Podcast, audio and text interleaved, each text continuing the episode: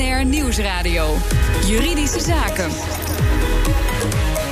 Paul van Liemt. Facebook komt met een eigen digitale munt, Libra. Waarom en waar krijgt de internetgigant mee te maken? Dat bespreek ik met een ervaringsdeskundige en twee juristen. Maar eerst even kort. Nelleke, wat is Facebook van plan? Ja, Paul, Facebook noemt de Libra zelf een cryptocurrency. Het wordt een digitale munt die met een heel eigen blockchain wordt ontwikkeld. En het streven is dat het doen van een betaling dan net zo makkelijk wordt als het sturen van een berichtje. En het is ook de bedoeling dat mensen in ontwikkelingslanden zonder bankrekening zo'n betaling eh, met deze munt kunnen gaan doen. Er doen ook eh, serieuze partners aan mee. Ja, Facebook maakte vorige week zijn plannen bekend met zogenaamd whitepaper. En noemde meteen al een kleine 30 partners die meedoen. Echt grote Mastercard, Visa, PayPal en ook techbedrijven, Booking.com, Uber, Lyft en eBay. Maar inmiddels zijn er al wel een aantal eh, van die genoemde partners die zeggen: ho, ho, het is nog niet helemaal definitief dat we meedoen. Dus toch nog wel wat vraagtekens. Dankjewel, Nelleke. De gast zijn Sanne Magiels. Ze houdt zich als advocaat bij FG Lawyers bezig met privacy en financieel toezicht. En heeft zich gespecialiseerd in blockchain. Katja van Kranenburg, arbeidsrechtadvocaat bij advocatenkantoor CMS. En hier maandelijkse gast over blockchain-toepassingen. En Rijk Plasman, oprichter van de digitale munt Gulden. Welkom, alle drie. Met z'n drieën, ja, inderdaad. Rijtplasman, ik begin met jou. Is dat iets wat je even doet, een digitale munt ontwikkelen? Nee, nee niet even. Nee, Wij zijn al uh, vijf jaar bezig. Um, en dat is keihard werken. En zeker als je start met niks. Uh, dat is niet te vergelijken met wat Facebook nu gaat doen natuurlijk. Maar dat is uh, niet zomaar gedaan, nee. nee. Het is niet zo dat iedereen denkt van, uh, nou die Rijk die krijgt het ook voor elkaar. Je hebt er een lange tijd over gedaan en je weet ook hoe het er nu voor staat. Na vijf jaar, hoe staat het ervoor? Het staat er goed voor, uh, vooral qua techniek. Ja, het is natuurlijk volledig nieuw, ook de, de technologie. Dus qua adoptie, uh, ja, we hebben nog een hele lange weg te gaan. Wat is een lange weg? Ik bedoel, je bent nu nog, oud ben je? Ik ben uh, 35. Dus zeg maar tegen die tijd op je 70ste met pensioen, zo lang duurt het ook of niet? Ja, pensioenleeftijd wordt wat, la wat later dan. Oh, nog later, oh, toch, zo lang zelfs. Sanne Magiels, uh, Facebook komt uh, met de Libra. We kennen allemaal Bitcoin, we worden net al over de gulden dus van Van Rijken. Allemaal net wat anders, allemaal verschillen van elkaar. Wat is er allemaal te halen? Wat al die munten te bieden hebben, bedoelt ja. u? Uh, ja, er zijn heel veel verschillende munten en tokens op de markt nu uh, beschikbaar. En ik denk dat het ook goed is om, uh, als je kijkt naar de Libra, dat inderdaad wat al werd gezegd, ook in de introductie, dat dit inderdaad een munt is gekoppeld aan een aparte blockchain. Dus in die zin is die niet te vergelijken ook met de Bitcoin. Nee, nou bedoel ik trouwens ook echt wat er nog te halen is. Is er namelijk nog meer dan ik net genoemd heb? De Libra, de Bitcoin, de gulden? Oh, er is nog heel veel meer te halen. Wat, wat is zijn... ook behoorlijk groot op dit moment? Wat we misschien niet zo goed kennen? Uh, nou, de Ethereum, de Ether van de blockchain Ethereum is bekend. Uh, dan heb je nog Litecoin. En uh, ik denk dat uh, Rijk nog, nog veel meer namen uit zijn mouw kan schudden. Ik kijk eventjes, ja, dus, ja normaal er zijn, wel natuurlijk. Er zijn duizenden munten, ja. ja. ja. Als je kijkt op CoinMarketCap, dat is eigenlijk de website waar... daar staat alleen al de top 100, maar er zijn nog veel meer dan dat. Ja, en dat is dan in relatief korte tijd wel gebeurd. Dat er zoveel komen. Waar, waar gokken al deze mensen op die hiermee beginnen? Ik denk dat, uh, nou ja, ik denk dat het een, belangrijk onderscheid dus is tussen maken tussen de, de munten gekoppeld aan een blockchain en de tokens. Heel veel tokens die worden gecreëerd op uh, Ethereum, op dat netwerk. En ik denk dat die mensen eigenlijk erop gokten dat het met weinig regulering snel geld op te halen was. En zonder nou echt meteen te beginnen over hele zware definitiekwesties, maar toch een token, een cryptomunt of een ICO, STO, wanneer spreek je daarvan? Uh, zonder een zware discussie. Uh, of een nou, zware definitie. ja, nou ja, misschien dan maar met. In het algemeen kun je zeggen, uh, is zeg maar een munt die is, tenminste dat hou ik zo aan, die is gekoppeld aan een blockchain. Dus eigenlijk ook de waarde van de munt, die is gelinkt aan de waarde aan die gehele blockchain.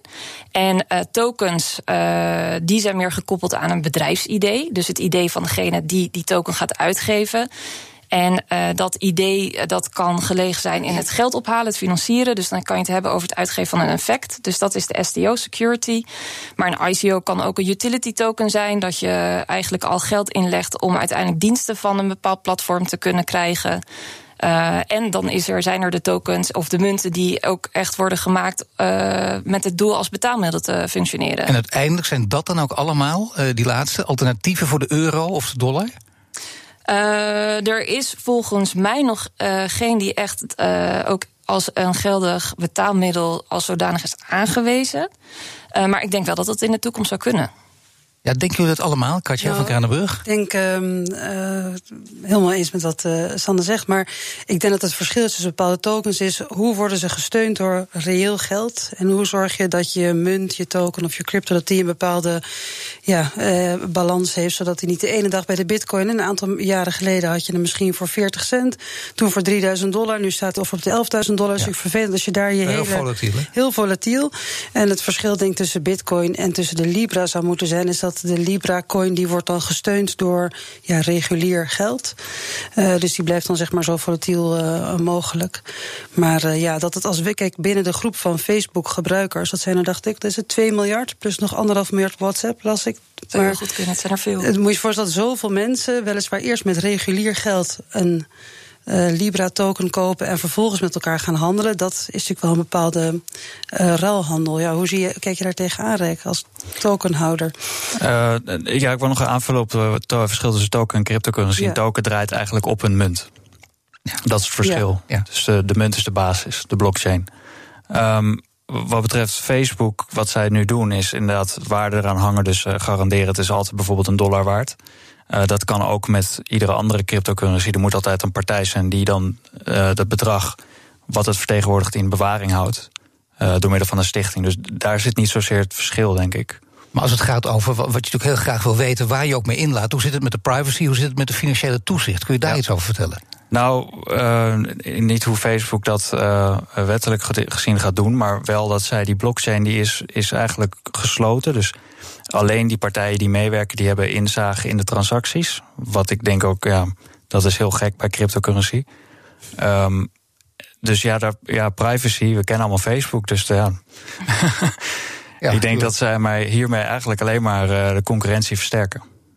Ja, is dat waar? Ik had je Nou, dat, ik heb het whitepaper eh enigszins gelezen. En er wordt wel gezegd dat het niet de gedachte is om de, het betalingsgedrag van de houders Nee. van de Libra-token te gaan monitoren.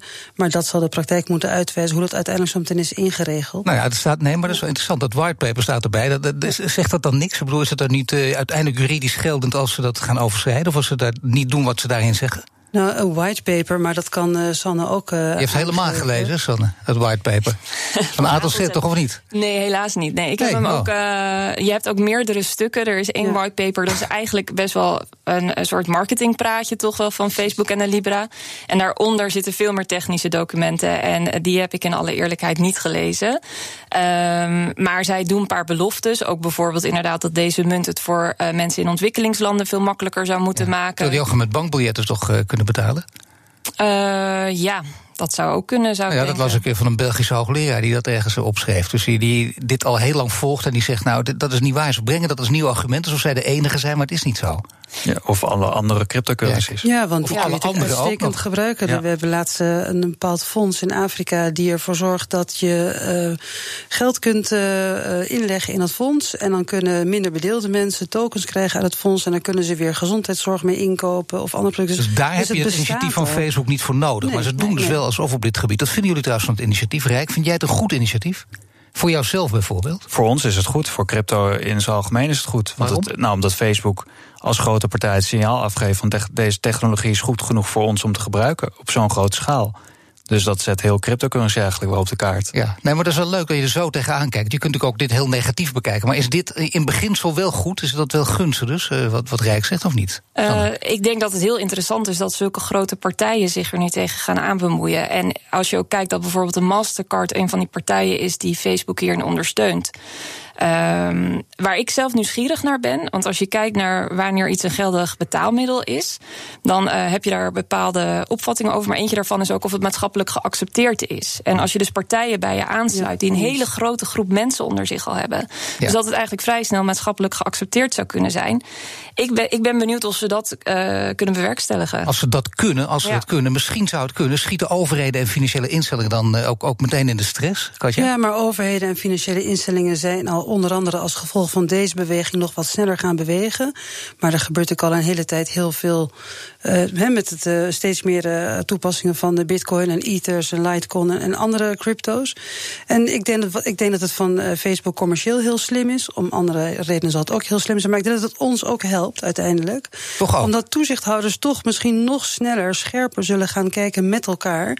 hoe je hierop zou willen reageren. Dus ik, ik ben er. Ze konden tot nu toe terughoudend reageren. Even afwachten, kijken wat er gebeurt. En nu denk je met deze massakracht van Facebook zul je wel moeten. Nou, nu komt steeds meer de noodzaak om gezamenlijk hierin op te trekken. En dat is ook uh, vorige week, dacht ik, uh, is er een nieuw voorstel gedaan om gezamenlijk dat Europees toezicht op onder andere crypto's uh, in te zekeren. Dat is van ook gisteren door Hoekstra en Grapperhausen ja. uitgesproken. Dus ik ben hier niet tegen, ook niet negatief, als het leidt tot een versnelling tot duidelijkheid. Want dat is ook waar bedrijven zoals Gulden ook op zitten te wachten. Dat je eigenlijk veel beter weet hoe kijken toezichthouders hier nu naar. Ja. Straks wat Facebook kan, kan iedereen dat. Mag Rijk straks als eerst op reageren. BNR Nieuwsradio. BNR Juridische Zaken. Met de eigen cryptomunt Libra wil Facebook de betaalmarkt op zijn kop zetten. Nu heeft Facebook een netwerk van miljarden gebruikers en helpt dat. Mijn gasten Rijk Plasman van de Digitale Gulden, Sanne Magiels, advocaat bij FG Lawyers en Katje van Kranenburg, arbeidsrechtadvocaat bij CMS. Zo'n netwerk van miljarden potentiële klanten. Uh, maakt het uh, dat makkelijker voor Facebook om zo'n munt in de markt te zetten, Sanne? Ik denk het wel, omdat het dan eerder maatschappelijk. Of je zou kunnen beargumenteren dat het dan eerder maatschappelijk geaccepteerd is. Ja, maar dat is dus toch waarschijnlijk niet, ik mag het niet zeggen, maar waarschijnlijk niet de belangrijkste reden van Facebook, of wel? Met andere woorden, waarom zou Facebook het willen als we daar even rustig over speculeren? Uh, dat is een hele goede vraag. Ik heb er ook over nagedacht. Eindelijk, ja. ja zeker, tuurlijk. Is twee token waard deze vraag? Ja, oké. Okay. Nee, uh, kijk, als je op een gegeven moment al heel snel heel veel transacties kan genereren en daar maar een hele kleine fee voor vraagt, dan kan je door die volume wellicht toch nog snel geld gaan verdienen. Maar het zal me niks verbazen als ze ook wel een andere agenda hebben en dat het misschien. Uh, ja, je bent dan wel een marktleider ook gelijk, denk ik, als Facebook. Ja, natuurlijk. En dan heb je ook meteen een hele mooie database. Die heb je al, maar die wordt nog groter. En dat, ja, ze hebben een bepaalde reputatie. Ik vind het eigenlijk alleen maar een beetje griezelig dat deze partij het gaat doen. Ja, kijk, zie je Rijk, dat is het, hè, griezelig. Maar jij vindt het nog steeds vanuit jezelf bekeken een goed idee. Ondanks deze griezelige effecten. Maar Tuurlijk, persoonlijk is het ontzettend griezelig.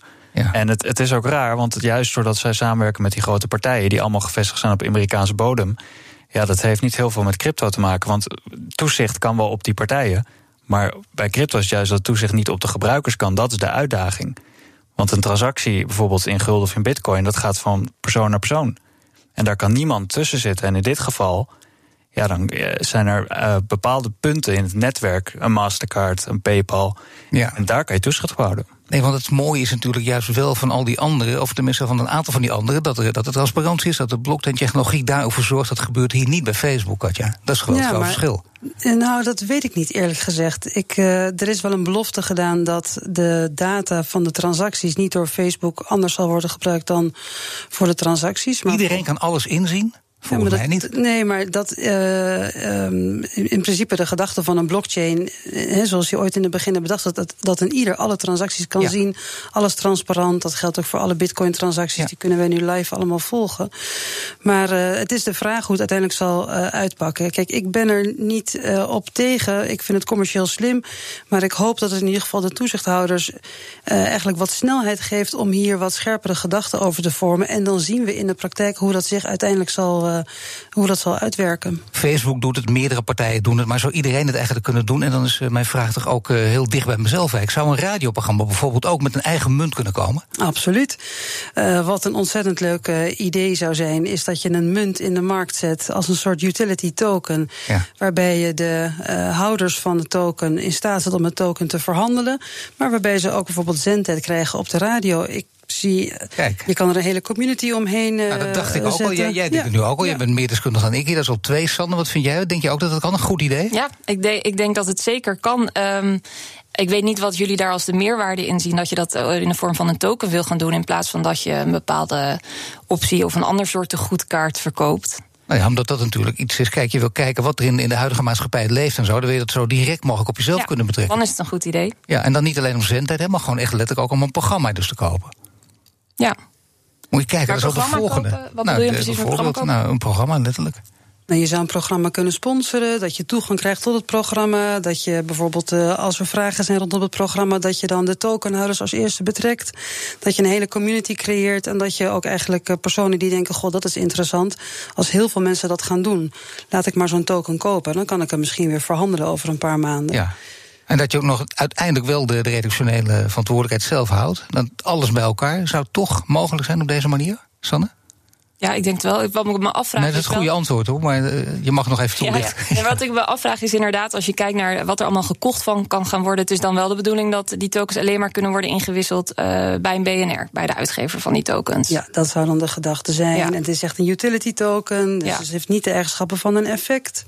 Nee. En uh, je, ja, dat is eigenlijk een andere manier van ja, eigenlijk crowdfunding. Ja, dat denk ik ook, ja. En hoe denk jij, Rijk, als je dit verhaal hoort? Uh, kansrijk, ja, ik, ik, ik, ken wel iemand die dat zou kunnen ontwikkelen. Wij ook. ook nog. maar uh, nee, wie is dat dan? Het, nou, dat kunnen wij natuurlijk. nee, ik vind het interessant. Ja. Uh, het is, het is in uh, die mate interessant dat je het zou kunnen koppelen aan dan de waarde kan samenhangen met kijk- en luistercijfers. Dus het token kan op een bepaald tijdstip meer waard zijn op een ander tijdstip. Ja, kijk, ja, dat is helemaal interessant. Dat kun je op termijn ook nog gaan vergelijken natuurlijk. Kun ook, je hè? vergelijken. Je, kunt ook, je bepaalt ook aanvankelijk van waar zet ik het token voor in de markt... en wat krijg je voor zoveel tokens. En je kunt je afvragen onder omstandigheden... koppel ik er dan kwaliteitscriteria aan. Dat is natuurlijk allemaal uh, ongereguleerd en Maar dus er zou kunnen gebeuren, wat eigenlijk heel mm -hmm. vaak gebeurt... dat BNR Nieuwsradio hiermee begint, dat anderen het dan gaan overnemen. Dat zou heel goed uh, nou, dat kunnen. Ik sluit eh, dat helemaal niet uit. We hebben het over Facebook ook gehad. Hè. Die komen met die munt. En, en Rijk zegt ook al, voor mij is dat uh, goed. We zien ook de griezelige kanten. Maar raakt de crypto daarmee wel uiteindelijk zijn schimmige imago kwijt, Sanne? Kan dat een van de voordelen zijn? Ja, ik denk wel dat dat een van de voordelen zou kunnen zijn. Ook omdat uh, ik vind ook dat de discussie rondom die crypto steeds zuiverder gevoerd wordt. Ook uh, begin van het jaar zijn er meerdere toezichthouders, uh, zowel Europees als nationaal niveau, die uh, ook een, de documenten hebben gepubliceerd. waarin ze eigenlijk achteraf nog eens keer hebben bekeken hoe kwalificeren nou bepaalde tokens en munten. Dus ik denk dat ze steeds een scherper zicht erop krijgen van hoe het kwalificeert. En zo ja, want daar gaat het om. Maar de toezichthouders zijn ook echt op de hoogte. Of lopen ze toch nog steeds achter de feiten aan? Uh, deels wel, omdat je natuurlijk niet weet wat de techniek precies is, hoe het exact gaat werken, welke beloftes worden gedaan. En de stukken die je nu kunt lezen over zo'n Libra, die zijn zo high level. Als toezichthouder zou ik daar nog niet heel erg concreet mijn vingers aan durven branden. Hoe hou je de gekken en de, en de criminelen uit je buurt als je muntontwikkelaar bent, Rijk? Uh, je moet zorgen dat het niet makkelijk om te zetten is naar euro. In ieder geval niet anoniem. Ja. Uh, dus iemand die uh, grote bedragen wil kopen of verkopen, die zal zich moeten verifiëren om het uh, identiteitsbewijs. Ja, nee, in feite, ik wou net zeggen, daar kunnen we een hele discussie over voeren. Helemaal niet zo simpel is het. Want Ja. daar begint het mee en heb je dat in ieder geval afgedekt. Ja. Oké, ik dank jullie alle drie voor dit gesprek. Rijk Plasman, oprichter van de digitale munt Gulden. Sanne Magiels van FG Lawyers en ook eh, Katje van Kranenburg. Maar jou horen we zo meteen terug in de maandelijkse rubriek over de toekomst van werk. BNR Nieuwsradio. BNR Juridische Zaken. In de rubriek De toekomst van werk verkennen we elke maand de mogelijkheden van blockchain voor een bepaalde sector. Van blockchain dus voor een bepaalde sector. Vandaag de vraag hoeveel eenvoudige verzekeraars en verzekerden zichzelf kunnen maken. Ik leg de vraag voor aan. U hoorde al een paar keer al natuurlijk. Katja van Kranenburg van advocatenkantoor CMS. Katja, wat kun je automatiseren? Wat kun je allemaal automatiseren met blockchain? Uh, ontzettend veel. Kijk, een van de uh, mooie eigenschappen van blockchain is dat je op een hele transparante manier informatie, data en waarde kan vastleggen. En dat is voor verzekeraars onder allerlei omstandigheden natuurlijk uh, ideaal. Stel dat je als verzekeraar de vraag voorgelegd krijgt of je een bepaald pand wil verzekeren. Hoe ideaal is het als zo'n gebouw een gebouwenpaspoort heeft, maar als alle elementen die relevant zijn in het gebouw, het onderhoud, de huurpenningen, allemaal zeg maar, in een token zijn geprogrammeerd. En je als verzekeraar heel waarheidsgetrouw meteen kan zien wat dat pand eigenlijk zou moeten doen qua waarde. En dus hoe je het zou kunnen verzekeren. Ja, dat klinkt goed voor de verzekeraar, ja. maar voor de verzekerde? Voor de verzekerde levert het heel veel transparantie op. Uh, natuurlijk niet voor personen die uh, op oneigenlijke manier gebruik maken van het feit dat ze een verzekering hebben. En misschien bij verzekeraars shoppen om schadevergoed te krijgen. Maar voor de reguliere verzekerde levert het ontzettend veel uh, transparantie op. Omdat je zelf ook weet welke informatie informatie is nu onderdeel van dat product.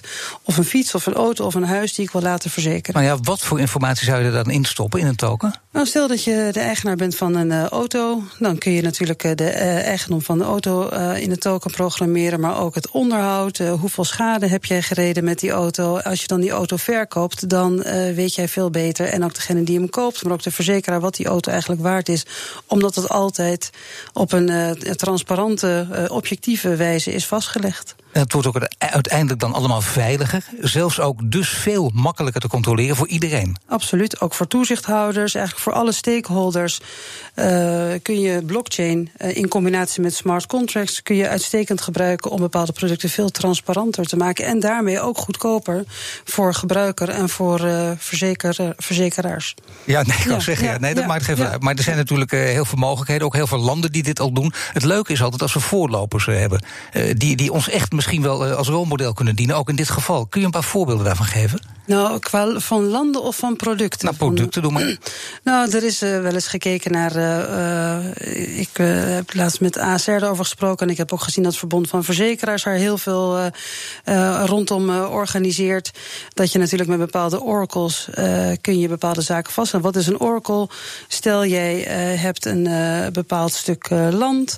en jij bent verzekerd tegen schade wegens Dan kun je natuurlijk met een externe bron gekoppeld aan jouw blockchain vaststellen: is er een overstroming geweest? Zo ja, dan ziet de verzekeraar dat meteen. En dan krijg je betaling. En dat soort pilots lopen er al. Er lopen al echt een aantal pilots binnen het verbond van verzekeraars, ook van, van aparte verzekeraars, rondom hoe kunnen we producten efficiënter maken en transparanter door de inzet van blockchain. Er is ook veel gedoe als het gaat over verzekeringen. Je had het net over verzekeringen, maar ook over autoverzekeringen, over het aantal schadevrije jaren. Juist bij een autoverzekering. Komt daar dan een einde aan?